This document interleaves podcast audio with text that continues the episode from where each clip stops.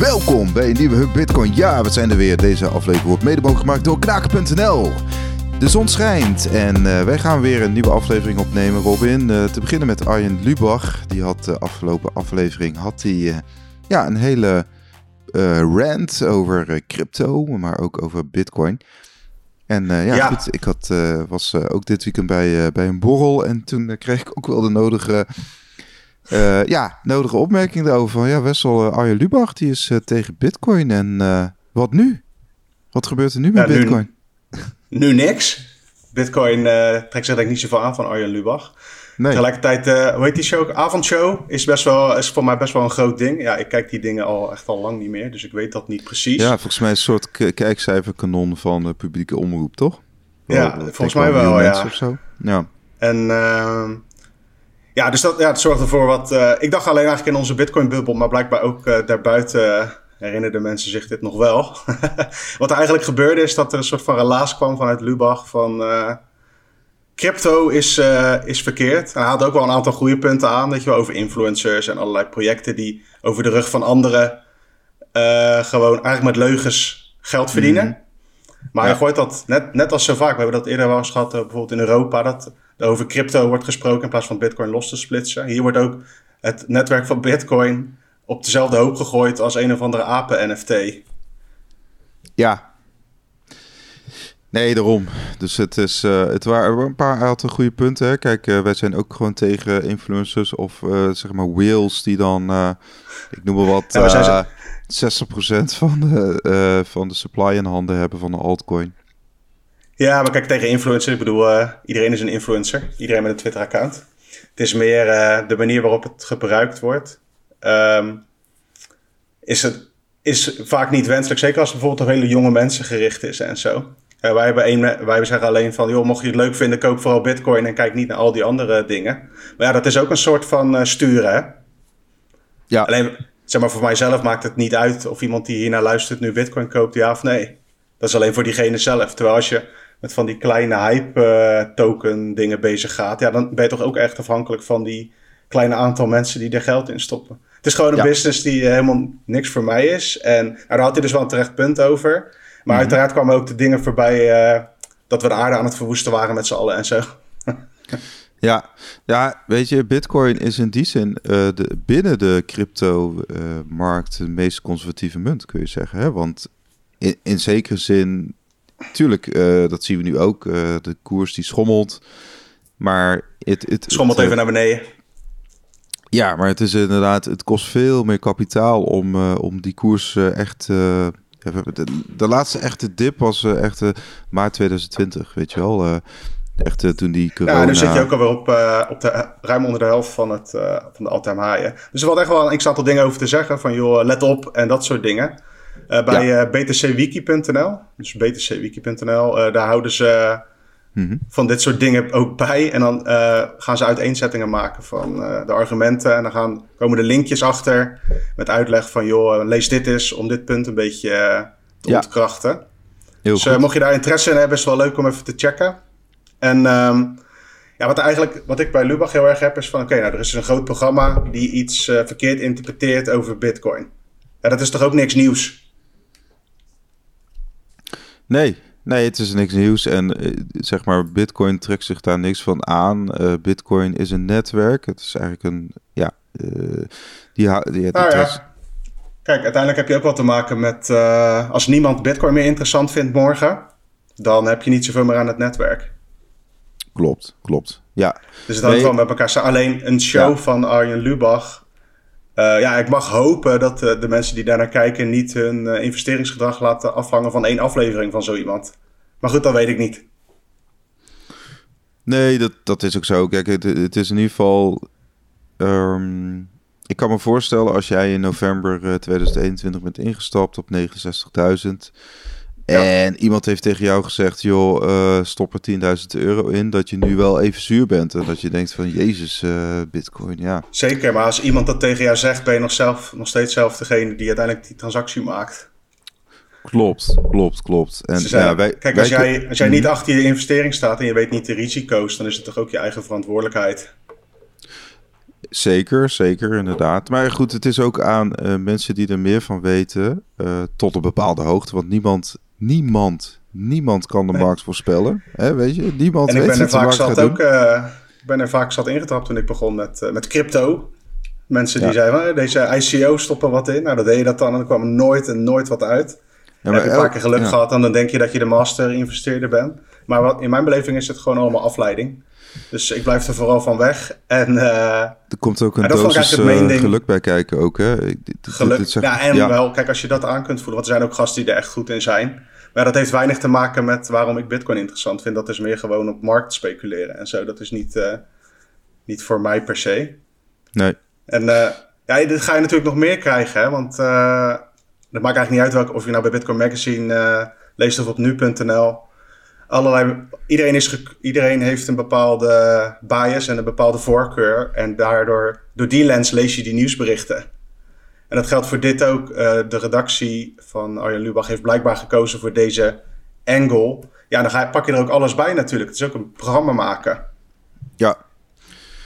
Nou ja, kijk, het is wel zo. Er zaten een paar punten bij dat ik denk, ja, dat geldt. Uh, dat, dat, dat geldt inderdaad voor Bitcoin. Namelijk, op het moment dat de prijs stijgt, dan willen meer mensen Bitcoin. Dat het zo zit Bitcoin in elkaar. Dat is een bepaald soort goed, waardoor uh, dat trekt mensen aan naarmate de prijs gaat stijgen. Ja, maar zitten, ja, mensen zitten zo in elkaar volgens mij, niet per se Bitcoin. Bitcoin Precies. is alleen zo gebouwd dat die incentives, die, die, die motivaties voor mensen allemaal een soort van hetzelfde zijn bij binnen Bitcoin. Ja, Nee, daarom. En daar, maar daar gaat dan ook bijvoorbeeld die discussie over energieverbruik. Uh, kijk, wij vinden Bitcoin nuttig. Wij vinden het netwerk, de technologie, het is programmeerbaar geld, censuurvrij. Hè, wij uh, uh, hebben, wij achten waarde aan Bitcoin. We vinden Bitcoin belangrijker dan kerstverlichting, weet je wel? Ik hoef niet per se ja. kerstverlichting in mijn boom. Ik heb daar, ik nee, dat betekent niet, heel... dat ik ga zeggen, jullie buren mogen geen kerstverlichting meer gebruiken. En daar gaat het dus verkeerd. Bitcoin is vrijwillig. Iedereen Niemand, niemand wordt uh, gelukkig gedwongen, behalve misschien trouwens winkeliers in El Salvador. Die moesten geloof ik wel verplicht het accepteren. Maar dat is eigenlijk, niemand wordt verplicht om bitcoin te accepteren vanuit het netwerk zelf. En um, vanuit het kan wel verplicht worden. Het kan wel verplicht worden door een centrale partij. Dus. Dat, zou, dat zou kunnen. Maar wat ik meer bedoelde is, uh, de andere kant is dus wel allemaal verplicht. De euro, uh, die belastingen betalen enzovoorts. En dat ja. Um, dat is het verschil. Bij Bitcoin is opt-in, dus je mag zelf kiezen of je daaraan bijdraagt. Alleen de weg naar Bitcoin toe wordt wel bemoeilijkt door allerlei regels vanuit eigenlijk het oude systeem. Nou, het is een default systeem en dat systeem is default. Uh, dat, uh, daar kunnen wij in principe niet zo heel veel aan veranderen, want dat systeem is voor ons ja, ontworpen. Behalve kleine stapjes, hè? Kleine stapjes, inderdaad, maar niet heel veel grote stapjes. En, uh, nou, ja. maar, Bitcoin is een grote stap. Alleen nu moet, moeten we kijken of we daar, ja, moet het zeggen, als mensheid bij om kunnen gaan. Ja, maar uh, inderdaad, nee, goed. Het is, ik, merk gewoon met name vanaf bepaalde generaties is het ook gewoon heel lastig. Kijk, ik zit in de generatie 40 plus vanaf generatie 40 plus, die, kijk, die mensen die zijn ook al heel erg gewend aan het eurosysteem. Dus die gaan niet zo snel over op een ander soort standaard. Plus we hebben het heel goed, weet je wel. We hebben hoge welvaart. Ja, we kunnen gewoon uh, btw-vrij bij de medemarkt dingetjes kopen. Maar er zijn natuurlijk heel veel uh, landen waar dat, uh, ja, waar dat ah, ook in Nederland, hè? Ook in Nederland, inderdaad. Je hebt ook uh, een miljoen huishoudens die volgens mij met een wettelijk minimum moeten rondkomen. Ja, dat dus, is ook een beetje van... kijk, als je dan zo'n show, de avondshow dus, hebt en bent. ik vind het dan... Ik heb geen idee, hè. Voor hetzelfde geld hebben ze al afleveringen gedaan... waar ze gewoon uitleggen wat bitcoin is... met eventueel wat achtergrondinformatie en zo. Maar deze manier van brengen van de informatie... helpt volgens mij niemand iedereen wordt gewaarschuwd voor crypto-influencers, scams en dat soort zaken. Maar de positieve aspecten kun je ook volgens mij best wel benoemen. Maar misschien zit ik dan te veel met een Bitcoin-bril naar tv te kijken. Afzeiken werkt natuurlijk ook goed. Daar nou, hebben het er nu ook over. Arjan Lubach zou zonder de euro niet bestaan. ja. ja. Ik bedoel, het hele programma is natuurlijk, uh, dat, dat hangt, en ook de publieke omroep hangt natuurlijk van subsidie aan elkaar. Nou, al die subsidies, dat hangt aan het eurostelsel aan elkaar. Dus het is, ik dacht op het einde van het filmpje ook van... oké, waar, waar pleit je dan voor? Pleit je dan Ja, voor de euro? Of waar, waar, waar, wat is dan je pleidooi? Je kunt wel ergens tegen zijn, maar wat is nou, Ja. waar ben je nou voor? klopt. En het is iemands goed recht hè, om tegen bitcoin te zijn. Dat Nou, je mag ook waarschuwen. Je mag ook waarschuwen tegen inderdaad jongeren die eh, met hun eh, maximale leenbedrag vlokkie gaan kopen, omdat ze dat op de tram hebben gezien. Maar Ja, dat is ook goed, weet je wel, dat moet ook gebeuren. Maar en, en dat was ook het kritiek, de kritiek van btcwiki.nl, dat zij in ieder geval, bitcoin wordt inderdaad op die cryptoberg gegooid. Wij zitten weer op die Ja. cryptoberg en wij willen helemaal niet op de cryptoberg zitten. het is een heel ander verhaal. Bitcoin Ja. en crypto. Alleen, ja goed, en dat mis je dan in dit soort dingen. Ehm, maar uiteindelijk moet je voor de diepgang rondom bitcoin ook gewoon niet bij eh, de avondshow van Arjen Lubach zijn natuurlijk. Dat is ook zo. Ja. Je gaat daar ook naar kijken om een pa- paar hapklare onderwerpen eh, een beetje satirisch voorgeschoteld te krijgen. Nou, dat krijg je dan ook. Je krijgt niet het, eh, een uitgebreid relaas over de voor- en nadelen van allerlei situaties en zo. Nou, hij beantwoordt natuurlijk ook gewoon een deel van zijn publiek. En zijn publiek is natuurlijk, eh, ik denk wel, ik, ja goed, ik, ik, ik, ik woon zelf in Amsterdam bijvoorbeeld, dus ik zit regelmatig. Dus het zijn mensen die heel erg bewust zijn, hè, milieubewust en bepaalde, eh, ja, bepaalde voorkeur, bepaalde levensstijl hebben. En dat, dat, is, dat is prima, moet iedereen voor zichzelf weten. Maar daar appelleert, hij appelleert wel aan die doelgroep namelijk. En ook dat bitcoin milieuvervuilend is en speculatief. Dus dat zijn wel twee eh, punten Ja. die heel goed scoren bij die doelgroep. En die zien we ook wel overal terug. Hè? Het maakt eigenlijk niet zoveel uit of het nou eh, een, polit- een politicus is of een regelgever internationaal of dus Arjen Lubach. Die, die punten van het is, een, het is vervuilend, het is slecht voor de planeet, whatever that means. En eh, het, is speculatief, of het is speculatief. Maar als je bijvoorbeeld, ik noem maar wat, hè, de aandelen van Netflix. Die staan geloof ik eh, 60, 70 procent onder een all-time high op dit moment in dollars. Ja, Dus eh, ah, dat zit in dat schuit, dan zit je toch in dezelfde categorie. Kijk, als je zegt van al die beleggingen zijn ook allemaal onzin, waar ik trouwens op zich nog wel in mee kan gaan, dan, eh, dan praat je ergens over. Maar niet als je één ding uitkiest wat toevallig ook ehm, omhoog en naar beneden gaat als kritiekpunt. Dat klopt gewoon niet. ja. En wat moet je dan als jongere? Weet je wel, eh, je krijgt eh 2000 euro eh, bruto misschien als starter. En dan ben je, weet ik veel, IT'er bij een bank. En dan krijg je 1500 euro netto. En dan eh, nou, moet je huur betalen. Nou, betaal je, weet ik veel, 1000 euro huur. Heb je nog 500 euro over. Nou, dus op zich, die doelgroep heeft ook al heel weinig, denk ik, geld om eh, te speculeren. Ehm, Ja. eh, de- de- de- Maar, ik zie ja, niet in je- speculeren, hè, maar daar zit natuurlijk het verschil. Nou ja, kijk, als ze het op een bank laten staan, dan weet- weten ze ook wel dat, eh, dat dat ook nu geen optie is met eh 11% inflatie. Ja, Dus het is, wat, wat moeten ze dan, Arjan Lubach? Wat moeten Ja, dat ze vind ik wel een valide punt van jou. Van ja, wat dan? Wat, waar moet je dan heen? Als Ja. je niet hiermee mag uitproberen.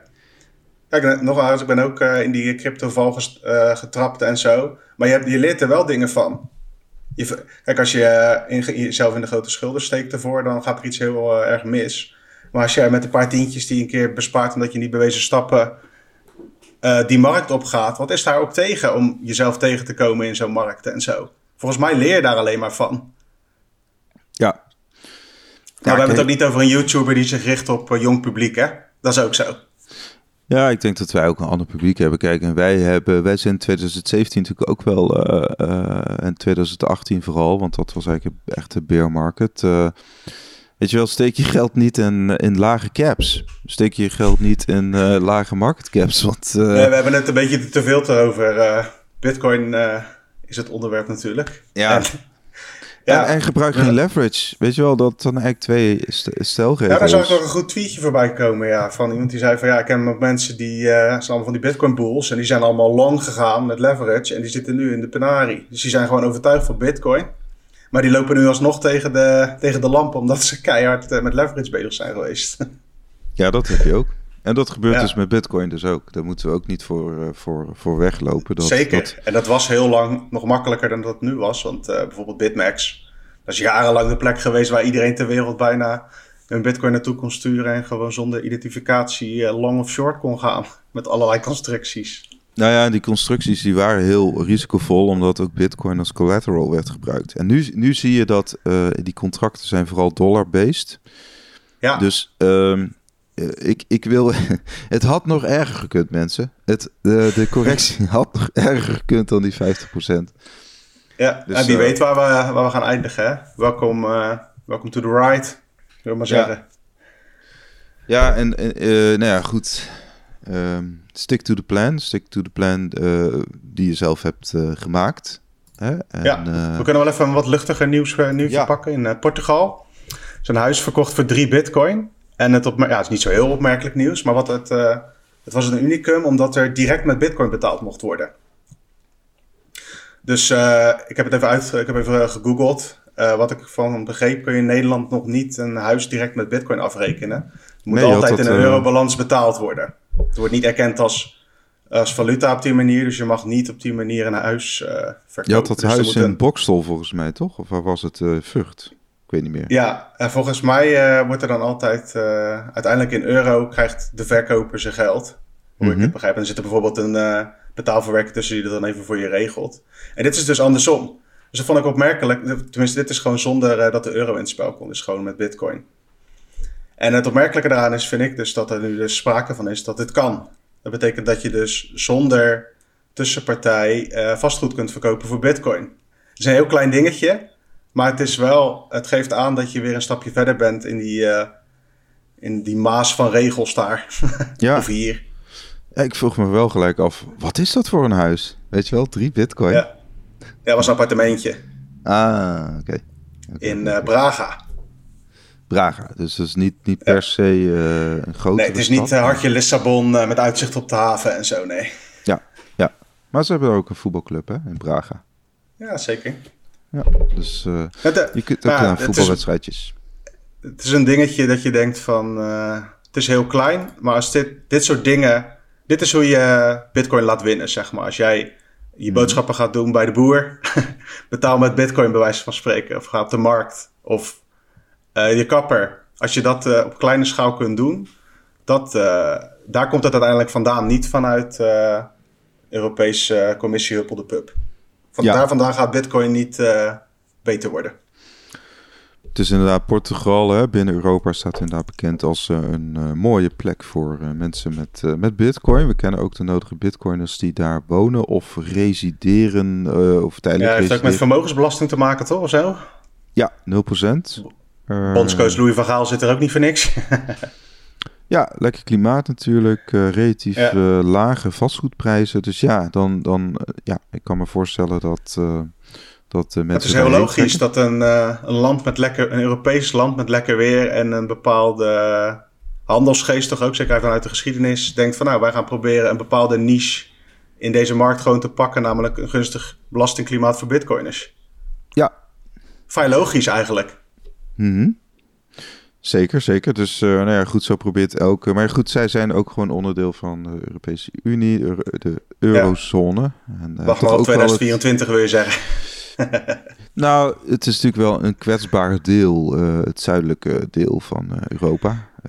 monetair ja, gezien. Nee, het is dus... ook niet dat ik zeg van ik ga nu mijn spullen pakken en daarheen. Het is meer dat je dat. er zijn mensen die, die die keuze wel maken. En dat komt niet alleen door het lekkere weer, dat komt ook door de regels. Ja, nou, wel misschien leuk om een keer een kijkje te nemen op een vakantie inderdaad, hoe dat uh, in Portugal uh, is. Ja, toch anders. Ik ben een keertje in Lissabon geweest, maar dan ben je dus echt gewoon uh, van bezienswaardigheid naar bezienswaardigheid en van kroeg naar kroeg aan het gaan. Het is niet dat je dan echt proeft hoe het is om in Portugal te wonen natuurlijk. Nee, nee ik dacht misschien kun je checken hoeveel er met bitcoin afgerekend wordt, maar misschien valt het ook nog wel mee. Ja, ik denk niet dat dat op grote schaal hmm. is. We hadden trouwens ook Gucci. Ik heb echt nooit iets ja. van Gucci gekocht. Maar bekend van de tasjes natuurlijk. Je ziet wel eens uh, met name vrouwen lopen met Gucci tasjes. En die uh, gaan nu ook bitcoin Nektasjes niet te vergeten. Sorry? Nektasjes niet te vergeten. Ja, de nektasjes inderdaad. Uh, in bepaalde winkels Petjes. in Amerika. Los Angeles, nu ook Miami, Atlanta en Las Vegas. daar kun je dus afrekenen met, met bitcoin. Nou, op zich wel geinig. op zich wel geinig. Ja, goed. Uh, ik vraag me altijd af wie, wie gaat dat dan doen. En uh, kijk, wij gaan wel eens naar een Bitcoin Meetup. Dat is eigenlijk uh, in Amsterdam. van, georganiseerd door de mannen van de Bitcoin Show. En ja, daar, daar is het vrij logisch. Dan denk ik, ja, de, ja, dan ga je gewoon afrekenen Bitcoin, Lightning. Daar, ja. daar kun je, maar ja, voor bepaalde andere producten nou, ik denk dat het ook gewoon een soort van. Uh, weet je, je komt toch weer even in het nieuws. Wederom, wij hebben het nu ook over. We hebben toch dat merk weer even. en het is ook wel. Het is een premium merk. Dus misschien hoort daar ook wel een, uh, een scala aan, uh, aan betaalopties bij voor mensen die vermogend zijn en met Bitcoin willen betalen. ik heb geen idee, want ik, ja, ik heb nul interesse in dit, in dit soort dingen. Mhm. Maar kijk, het is ook een vrij kosteloze implementatie waarschijnlijk. Waarschijnlijk zit er weer een tussenpersoon bij, heb ik even niet gecheckt. Maar die. Uh, ik bedoel, het is voor hen niet een uh, grote kostenpost, laat ik het zo zeggen. En het kan wel publiciteit opleveren. En allicht uh, maken ze er wat extra verkopen mee. Het is niet dat mensen het niet gaan kopen omdat de Bitcoin wordt geaccepteerd, denk ik. Nee, is ook zo. We hebben nu ook een Amerikaanse universiteit die ook Bitcoin accepteert. Dat is de Bentley University uit Massachusetts. Ja, toch, weet je, je ziet toch in Amerika wat dat betreft iets meer uh, adoptie, iets meer tractie, zeg maar. Weet je wel, op het moment dat, uh, ik noem wat, Universiteit van, van Enschede uh, gaat zeggen, joh, we accepteren bitcoin. Ja, is ook wel... Ja, Amerika is ook groot, hè? Ik bedoel, als je alleen in Nederland kijkt, is ook niet eerlijk. Dan moet je nee. zo'n staat pakken. Ja, nou, dat is ook weer zo, ja. Dat is ook weer zo. Dus, dus binnen Europa heb je natuurlijk op allerlei manieren ook wel ontwikkelingen. Maar allemaal op hun eigen manier ook weer. Je hebt dan bijvoorbeeld ook in Portugal dat Madeira die het een en ander wil gaan doen. Je hebt in Zwitserland een aantal initiatieven. Nou, je hebt een hmm. aantal bitcoin miners natuurlijk vooral in het noorden van Europa. Je hebt wel allerlei plukjes van uh, partijen die ook dingen aan het doen zijn. Okay. Maar dat gaat uh, bemoeilijkt worden, gok ik. We kunnen wel eventjes uh, het IMF pakken, die bezorgd was over de Centraal-Afrikaanse Republiek. Ja. met bitcoin, want die bemoeien zich met ja, het IMF voor het Internationaal Monetair Fonds is een partij waar jij als uh, noodlijdend land uh, leningen aan kunt gaan tegen waarschijnlijk niet zulke gunstige voorwaarden. Mm En uh, ja, die is in het openbaar ehm, komt natuurlijk ook communicatie tevoorschijn. En die hebben dus aangegeven bij de Centraal-Afrikaanse Republiek en ook bij El Salvador trouwens. Van, ja, Argentinië ook, hè? Argentinië. En Argentinië nu, inderdaad. Van, dat was al eerder, geloof ik. Maar van uh, die Bitcoin-plannen, gooi die maar op de lange baan. ja. En uh, ja, dan is het aan de landen om ernaar te luisteren. Als Salvador lijkt er weinig van aan te trekken. Centraal-Afrikaanse Republiek, geen idee. Maar in Argentinië is het, schijnt het zelfs een van de voorwaarden geweest te zijn voor weer een IMF-lening. Dat niet uh, Bitcoin, dat ze Bitcoin niet gingen omarmen, zeg maar. Ja, we zien ook de Argentijnse Centrale Bank die verbiedt commerciële banken het aanbieden van Bitcoin aan klanten. Dus het is, het, je ziet duidelijk dat het bestaande eh, stelsel komt in verweer hè, tegen nieuwe ontwikkelingen, nieuwe technologie, programmeerbaar geld. Daar komen ze tegen in. Eh, ze zijn natuurlijk zelf ook bezig met hun eigen varianten van programmeerbaar geld. Ja. En ja, ze, ze, ze zijn ook niet gemaakt om uh, op geld te concurreren, zeg maar. Hè? Dus, dus... Nee, dat is, dat is zo, ja. Ze zijn niet gewend dat er ineens een... Uh, tussen die instanties zijn al... Uh, veel ouder dan Bitcoin. Dus heel lang was Bitcoin er niet. En nu begint het bepaalde vormen aan te nemen. Op allerlei verschillende plekken in de wereld wordt het gebruikt voor allerlei verschillende dingen. Of dat nou betalingen is of sparen. Ehm, ja, er is gewoon sprake van ook het netwerkeffect van Bitcoin als geldsoort. Groeit gewoon, ondanks dat de prijs nu uh, even in elkaar dondert. Ja. Er is sprake van op allerlei verschillende manieren implementatie van Bitcoin binnen huidige organisaties of persoonlijke uh, leventjes zoals die van ons. Ja, zowel de Wereldbank als IMF zitten in New York. Dat is ook niet voor niks natuurlijk. Dus het centrum, ja, het ooit het centrum van de wereld. Uh, nog steeds wel, denk ik, bepalend hard, zeg maar, financiële wereld. Ik verwacht hier uh, in aanloop naar al die central bank digital currencies constant elke week uh, op de website berichten over het IMF of weer even een andere organisatie die weer eens wat roept. Want dit gaat natuurlijk je wil, niet, je wil niet, als je Bitcoin serieus neemt als gevaar, wil je niet dat er vanuit uh, in dit geval El Salvador en de Centraal-Afrikaanse Republiek het doorvloeit in die regio's, zeg maar. Want dan begint het ook op landelijke schaal een soort van uh, olievlek te worden over de wereld heen. Ja, ja, ze zijn natuurlijk als de, als de, hoe noem je dat? Ze zijn heel bang dat, ehm, ja, dat andere landen, kijk, we hebben nu gewoon twee landen, hè? En, en, en Ja. het is gewoon wachten op het derde land. We zagen ook Panama die ook behoorlijk wat stappen zet eh, om het in ieder geval te reguleren. Het wordt geen legal tender, maar ze gaan het wel reguleren. En hè, Ja, dan Dus ook weer op eh, belasting concurreren. hè? Ja, maar ze zijn, eh, en dat, dat, dat, dat, daar komt natuurlijk ook steeds meer kritiek op. En er komt steeds meer weerstand tegen.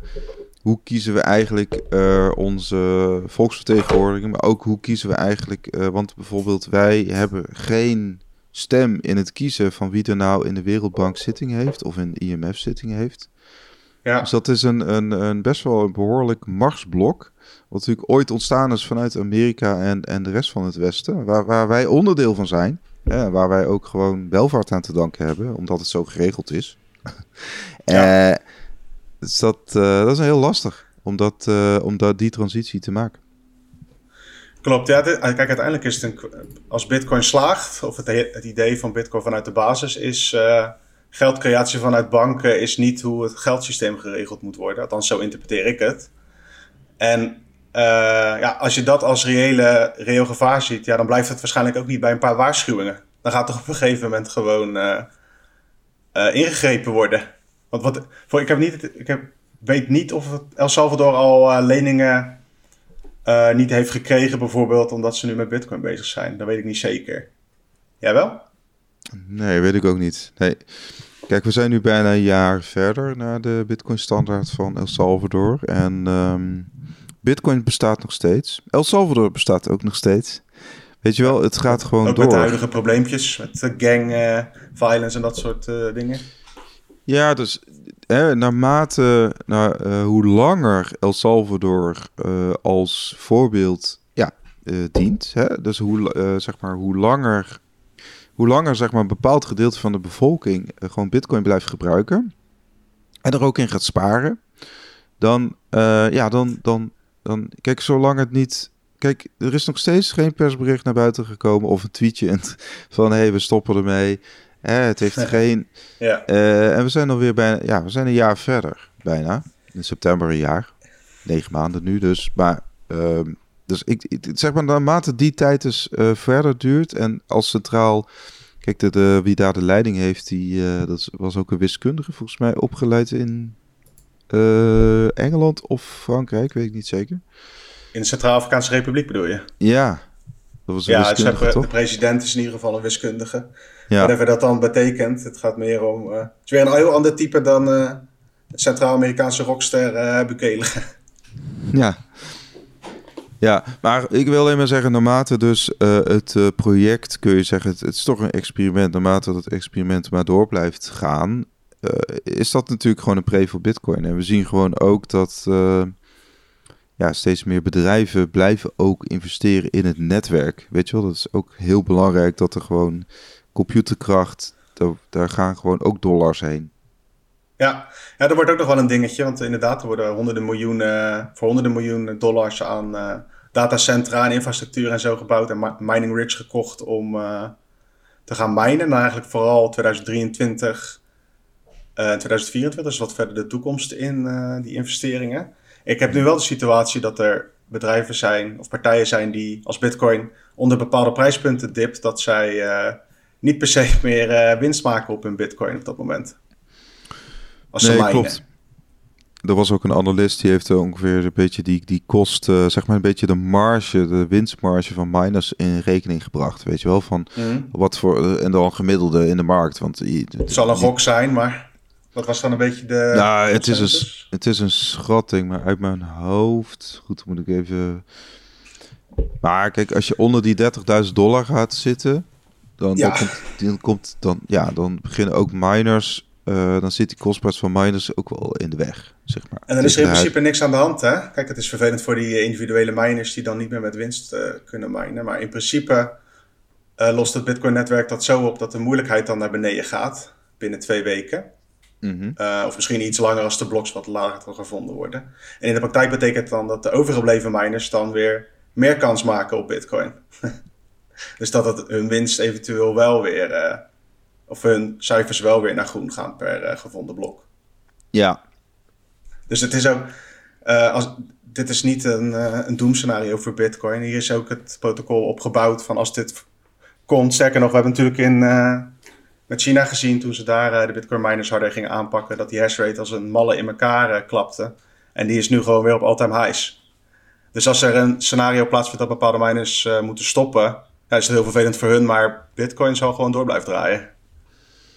Ja, ik weet, ik weet niet of dat nou speltheorie is of zo, maar het is in ieder geval een spel waarbij miners en ook steeds meer bedrijven het idee hebben van, ja, ik, ik wil er ook onderdeel van zijn. Ik wil onderdeel van dit netwerk zijn. En uh, of men dan uh, bepaalde leningen gaat afsluiten. Uh, men is ook afhankelijk van het bestaande stelsel om toegang te krijgen tot het Bitcoin-netwerk natuurlijk. Want, dat zie je ja. heel goed, dat je te maken hebt met die miners, met name die beursgenoteerde Amerikaanse miners. Ja, die hebben gewoon een nieuwe weg naar kapitaal gevonden en die lijken gewoon mee te doen met, het gek, met de gekte natuurlijk van goedkoop kapitaal binnenhengelen en uitbreiden, uitbreiden, uitbreiden.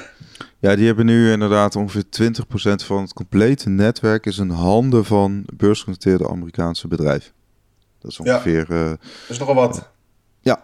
En uh, nou, we zagen in ieder geval dat uh, we zitten nu halverwege de helvening. De helvening is natuurlijk in 2020 geweest, de laatste mei 2020. We zitten nu in mei 2022. 2024 is de volgende helving. Betekent dat elke, blok, elke blok levert nu 6. 25 eh, bitcoin op en dan levert het 3.125 bitcoin op per blok. Uh, we zitten nu met uh, blok nummer 735.000. Ja, daar zijn we inmiddels voorbij. Dus we zijn op de helft. En eigenlijk wat dat betekent is dat de inflatiecijfers van bitcoin weer door de helft gaan. Dat is eigenlijk heel simpel. Wat, dat is ook ingebouwd in het protocol. Iedereen die een node draait, miners gaan daar allemaal mee akkoord. Dat, dat is de manier hoe bitcoin uitgifte werkt. En uh, ja, wat dat eigenlijk doet, is als dat gebeurt, dan krijgen miners dus ineens nog maar de helft van de bitcoin. Afhankelijk mhm. van de uh, prijs die mensen daar buiten het netwerk voor geven, bepaalt dat ook weer bepaalde business uh, activiteiten. Want als, je, als de bitcoinprijs drie keer zo hoog is als nu en de beloning gaat door de helft, dan zit je nog steeds goed. Maar als dat niet het geval is, dan gaat gewoon echt je beloning netto door de helft. Klopt. Inderdaad, nou ja, het zijn allemaal eh, dingen die meespelen. En dat, ja, we hebben geen idee hè, hoe dat in 2024 ervoor staat. Het is in ieder geval een feit dat nieuwe bitcoin weer moeilijker te krijgen wordt. Of moeilijker te krijgen. Het wordt gewoon uh, langzamer uitgegeven weer dan, uh, dan nu. Dus in 2024 gaat dat gebeuren. De schaarste neemt toe op het netwerk natuurlijk. We hebben ook Cointelegraph heeft ook onderzoek gedaan naar de ontwikkeling van de prijs dat de 2020 helving, dat was eigenlijk de eerste helving, hè, eh, want we begonnen met 50 bitcoin per blok. 2012 ging die naar 25 bitcoin per blok. De prijs toen op, uh, in 2012 was 12,35 euro. 135, uh, hon, sorry, 150 dagen later was die prijs 127 dollar. Nou goed, dan kunnen we 2006, 2007 en 2016, 2020 zagen we vergelijkbare. Pakken even die van 2020 erbij. Volgens mij ergens 10 mei of zo, 10 mei 2020 was die helvening. En uh, de prijs was toen 8821 dollar. 150 dagen later was die prijs al richting de 11.000 dollar. Hm. Ja, ja, en, en uh, goed. Uh, ik, dus tot drie keer toe uh, eigenlijk in el elke hel helvening heeft geleid tot uiteraard meer schaarste op het netwerk. En daardoor, ja, naarmate de vraag ook toeneemt, ook een prijsstijging. Ja, maar meer schaarste. Uiteindelijk komt er wel steeds meer bitcoin op de markt. Tot 21 mhm. miljoen. Ja, oké. Ja, maar dus niet dat de dingen verdwijnen of zo, alleen de uitgifte wordt gewoon. En ja. Ehm, ja, het is ook een beetje af. Je kunt niet daarnaar kijken, want heel die markt is natuurlijk ook weer anders geworden. Weten wij, in 2024 uh, eh, zal de markt er weer heel anders uitzien. Dan heb je weer nieuwe whales die denken van ik moet weer uh, eh, 10 miljard aan bitcoin verzamelen. ja, nou goed, uh, nou, zonder heel lang over prijs te hebben. Maar dat zie je nu natuurlijk ook. Hè een bepaald deel van de markt. We zagen ook dat er heel veel kapitaal uit Bitcoin-fondsen vloeit. Nou, dat betekent dit bepaalde van die geldmanagers die koppelen Bitcoin heel erg aan de traditionele markt. Dus Hè, je noemde Netflix al. Nou ja, al die tech-aandelen die zijn natuurlijk enorm gekelderd. 50, 60, 70 procent uh, gezakt. En zij correleren Bitcoin meer met, met als een tech-aandeel. Dus, dus zij, zij gaan ook Bitcoin verkopen. En dat heeft er deels toe geleid dat, uh, dat, dat er. En daardoor gaan korte termijn uh, handelaren of mensen die net Bitcoin hebben gekocht, die raken juist in paniek. Want die hebben zoiets van: wauw, ik heb net Bitcoin gekocht, misschien wel eerst een beetje Bitcoin. En dat gaat Dan nu. gaan we pensioen. Gaat in één keer zakken. En ja, ik wil mijn verlies beperken. En die gaan ook verkopen. Nou, gaat de prijs nog verder dalen. En dan hebben we zagen ook Wales, entiteiten met 1000 Bitcoin of meer dat die, die, naarmate die prijs natuurlijk verder daalt, komen zij ook weer dichter bij uh, hun uh, historische aanschafprijs. En ja, dan gaat ook een gedeelte van de whales gaat verkopen. Nou, en dan gaat het ineens hard. Want dat, dus die sturen gewoon honderdduizenden bitcoin naar beurzen toe. Nou, dan gaat de prijs nog verder dalen. En zo kan het ook uh, inderdaad als een kaartenhuis in elkaar zakken, naarmate er steeds meer actoren gaan verkopen. Dus dat, uh, ja, daar moet je altijd wel rekening mee houden. Maar uh, historisch gezien is dit een veel minder diepere correctie dan we gewend zijn. Gek genoeg. Ja, maar voor hetzelfde geld zijn we er nog niet. Het is ook, je is ook zo. Kijk, als je dit, als je dit niet aan kan bij Bitcoin, dan heb je een probleem, want dit gaat gewoon vaak gebeuren. De, als je gelooft in een Bitcoin die over 100 jaar nog bestaat, of over 50 jaar, en veelvoud van nu waard is, dan hoort dit er ook bij, want je kan niet in één rechte lijn omhoog. Nee, en ik denk dat voor de meeste mensen ook sowieso niet zo'n verstandig plan. Ik hoorde het volgens mij Lynn Alden zeggen bij Pieter McCormack van de meeste zijn toch, ja, ik moet het woord er even noemen, maar ze zijn gebaat bij diversificatie. Dat wil zeggen dat ze niet, uh, kijk, so, sommigen sommige willen echt 100% Bitcoin zijn, maar dat, dat is echt niet voor iedereen weggelegd. Dus wil ik even gezegd ja, hebben. ligt aan ligt aan je overtuiging natuurlijk van... Ik heb zoiets van, waar dan in? Ja, nou ja, zo, je hebt net een huis gekocht. In second... Ja, maar precies, maar dat is ook meer een gebruiksvoorwerp. Voor mij. Ja. Je hebt vast ook wel nog wel wat euro's. Ja, dat klopt. Maar nee, dus je bent al gediversificeerd en weet je wel... Nou, met diversificatie versta ik meer. Kijk, je hebt verschillende soorten. Hè. Je kunt zeggen van je pakt bepaalde branches of niches. Of je gaat binnen die niche ook nog verschillende kiezen. Hmm. En dan heb je, zeg maar, Michael Saylor, die, kijk, niet dat je dat als voorbeeld moet nemen, dat is gewoon een, een rijke miljardair die ook Bitcoin, met Bitcoin bezig is. Maar die zei van, ja, als je Apple en Facebook stocks had, zeg maar, en je gaat dan diversifiëren, in principe zorg je er dan voor dat je de winnaars in hebt geruild voor de losers. Maar dan moet je wel de overtuiging hebben dat je de winnaars kunt kiezen. Hmm. Dat is het spelletje.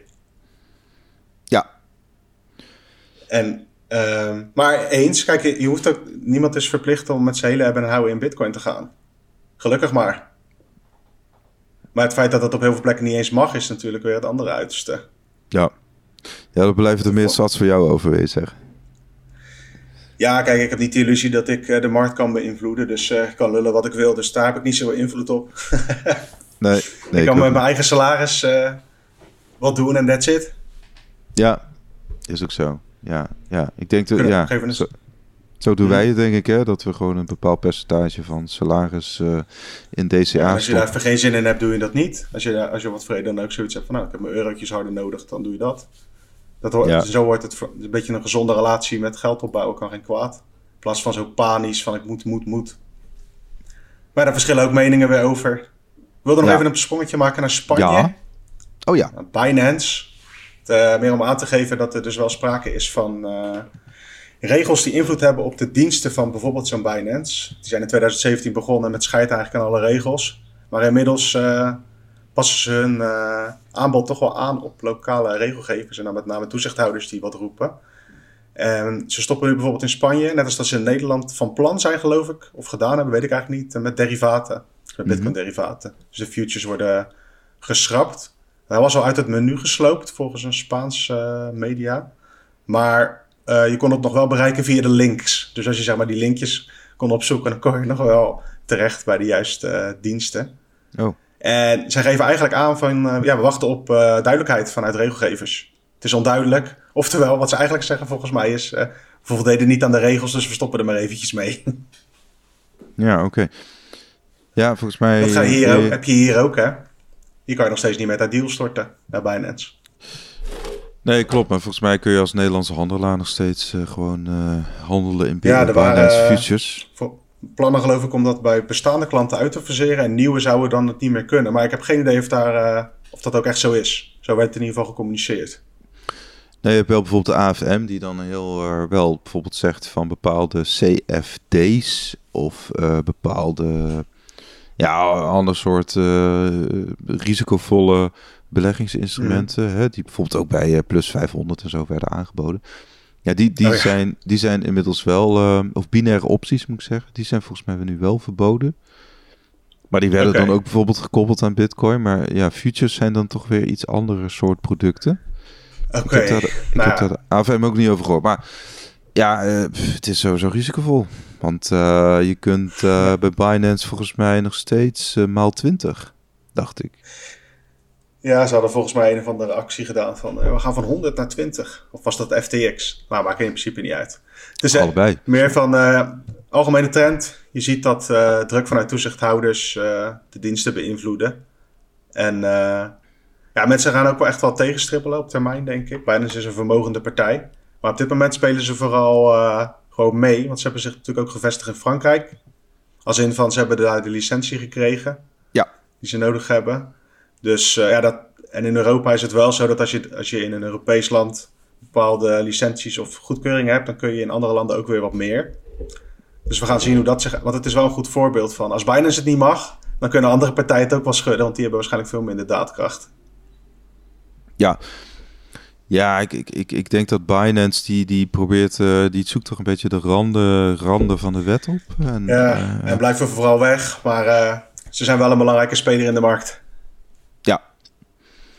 Nee, daarom, en het is eigenlijk denk ik een kwestie van tijd. Kijk, in Nederland ze hebben ze officieel nog geen registratie bij de Nederlandse bank, maar ja, Frankrijk nu wel. Dus ja, het is ook een kwestie van tijd voordat ze hier in Nederland ook dan officieel een registratie hebben, denk ik. En dan, dan, kan, ja. dan kun je als Nederlander kun je dan ook gewoon weer met Ideal afrekenen bij, bij Binance. We gaan het zien. Ja, we hadden nog een nieuwtje uit Groot-Brittannië. Britse politie ziet steeds meer crypto-overvallen in Londen. de boeven richten zich op het stelen van telefoons. Ja, er was ook een Zo. nieuwtje in The Guardian. Het ging over ja, gewoon de dieven in de, in de tram en zo. Of in de, in de tube, heet het geloof ik. ja. En uh, op andere plekken dan gaan ze zeg maar op feestjes. En wat er gebeurt is dat de dieven gaan actief op zoek naar mensen die hun uh, mobiele wallet unlocken. Zo was okay. een verhaal van iemand die is, uh, werd zijn mobiel gestolen tijdens het stappen. Mm -hmm. En toen kreeg hij, hem, kreeg hij hem gewoon terug. Ze gaven hem terug, maar toen was er x aantal duizend pond aan cryptocurrencies van crypto.com zijn account uh, gestolen. Okay. En wat ze hadden gedaan, ach, achteraf is het waarschijnlijk gewoon, hij heeft een paar keer zijn telefoon gebruikt. Waarschijnlijk hebben ze gewoon gekeken naar zijn code, gestolen, geopend en verstuurd. Dus de les daaruit is van uh, zorg dat je je kapitaal niet toegankelijk hebt op je smartphone. Ja, maar met een uh, two-factor anti-authentication is dat sowieso denk ik wel lastig. Ja, dan wordt het, ook weer, wordt het ook weer moeilijker. Er was ook een situatie, vond ik wel grappig. Was er iemand die was een, uh, een slachtoffer. Dus echt grappig is het niet. Maar die was aan het overgeven onder een brug. Toen werd hij gedwongen om zijn telefoon te ontgrendelen met zijn vingerafdruk. 28.000 pond, waaronder ook cryptocurrency uh, gestolen. Direct vanaf zijn mobiel. Ja, dus die, uh, dan heb je het al zwaar, weet je wel. Je hebt al een ja. hele zware avond. Ja, ik zat me het ook voor te stellen. Dan heb je een beetje te veel gedronken of andere ja. gekkigheid gebruikt. En dan sta je over te geven en dan komen er nog een stel klootzakken jouw mobiel vragen. En dan ben je weer goed en wel bij zinnen. En dan is er een grote som geld weg. Daar word je eng van. Ja, maar ik bedoel, oké, okay, dus je hebt account bijvoorbeeld crypto.com en die kunnen ze dan gewoon blijkbaar zonder uh, enige beveiliging gewoon benaderen. Nou, als jij gewoon die app open hebt, ik heb geen idee, want ja, ik gebruik dat ook niet. Ik heb alles offline staan. En dan kun, je, meer, uh... dan kun je naar een Bitcoin-adres sturen of zo. Ja, maar kijk, stel dat jij een, gewoon een wallet hebt en je gaat naar zo'n meetup ja. en je wil met Bitcoin betalen. Kijk, dan is dat gewoon, dan staat er gewoon contant geld eigenlijk op je, ja. op je mobiele nee, telefoon. Tuurlijk, tuurlijk. Dus zo'n uh, politieagent, Phil Harris, ja, maakt verder niet uit wie die is, maar die zegt van, uh, je zou niet over straat lopen met biljetten van uh, 50 pond en ze gaan tellen. Dat zou moeten gelden voor mensen met cryptovaluta. Van, als je, je gaat toch ook niet met briefjes van 50, 100 of 500 zo over straat lopen s s'nachts, weet je wel? Van even onder de brug, even kotsen. Nee, en, nee, nee. Weet je? Dus waarom zou je dat op die manier bij je dragen? Dat is Ja, eigenlijk goed, algemeen, goed een beetje een advies. Ja, Ja. Nou ik zag ook Dus wel... ja, het is, het is niet je eigen draadje- schuld als je, als je bestolen wordt, maar het is ook, je kan het wel dingen zoveel mogelijk voorkomen. Ja, ik zag op Twitter ook een interessant draadje over Rufas Kamau. Hij is research en market analyst bij Scope Markets uit El Salvador en nog een... Nou goed. Hij is ook contributor bij Forbes. Nou, hij, hij had een heel draadje over eh, eigenlijk de nadelen als je, je je bitcoin bij een exchange laat staan. Omdat ze... ehm, ja, ze, ze gaan natuurlijk van alles eh, doen. Dat, hij noemt dat dan... eh, fractional reserve banking system. Maar dat een exchange is eigenlijk ook een soort. Ja, fractional is eigenlijk een soort de- DeFi bank. Want ze gaan. Die, DeFi bank. Want ze gaan ook natuurlijk ook. eh, die jouw bitcoin gaan ze ook weer uitlenen. Ja, je weet nooit zeker of je je bitcoin weer terugkrijgt. Of als iedereen zijn bitcoin tegelijk terug wil, of, of iedereen zijn bitcoin tegelijk terug kan krijgen. Ja. Ja, Dus eh, hij zegt ook, when a new pleb buys an amount of bitcoin, it's, it's a common understanding that they're expected to reduce the amount in supply, bla bla bla. Maar goed, eigenlijk eh, klopt dat niet, omdat natuurlijk die bitcoin wordt natuurlijk gewoon bij een beurs gehouden die het dan opnieuw eh, in de markt gooit.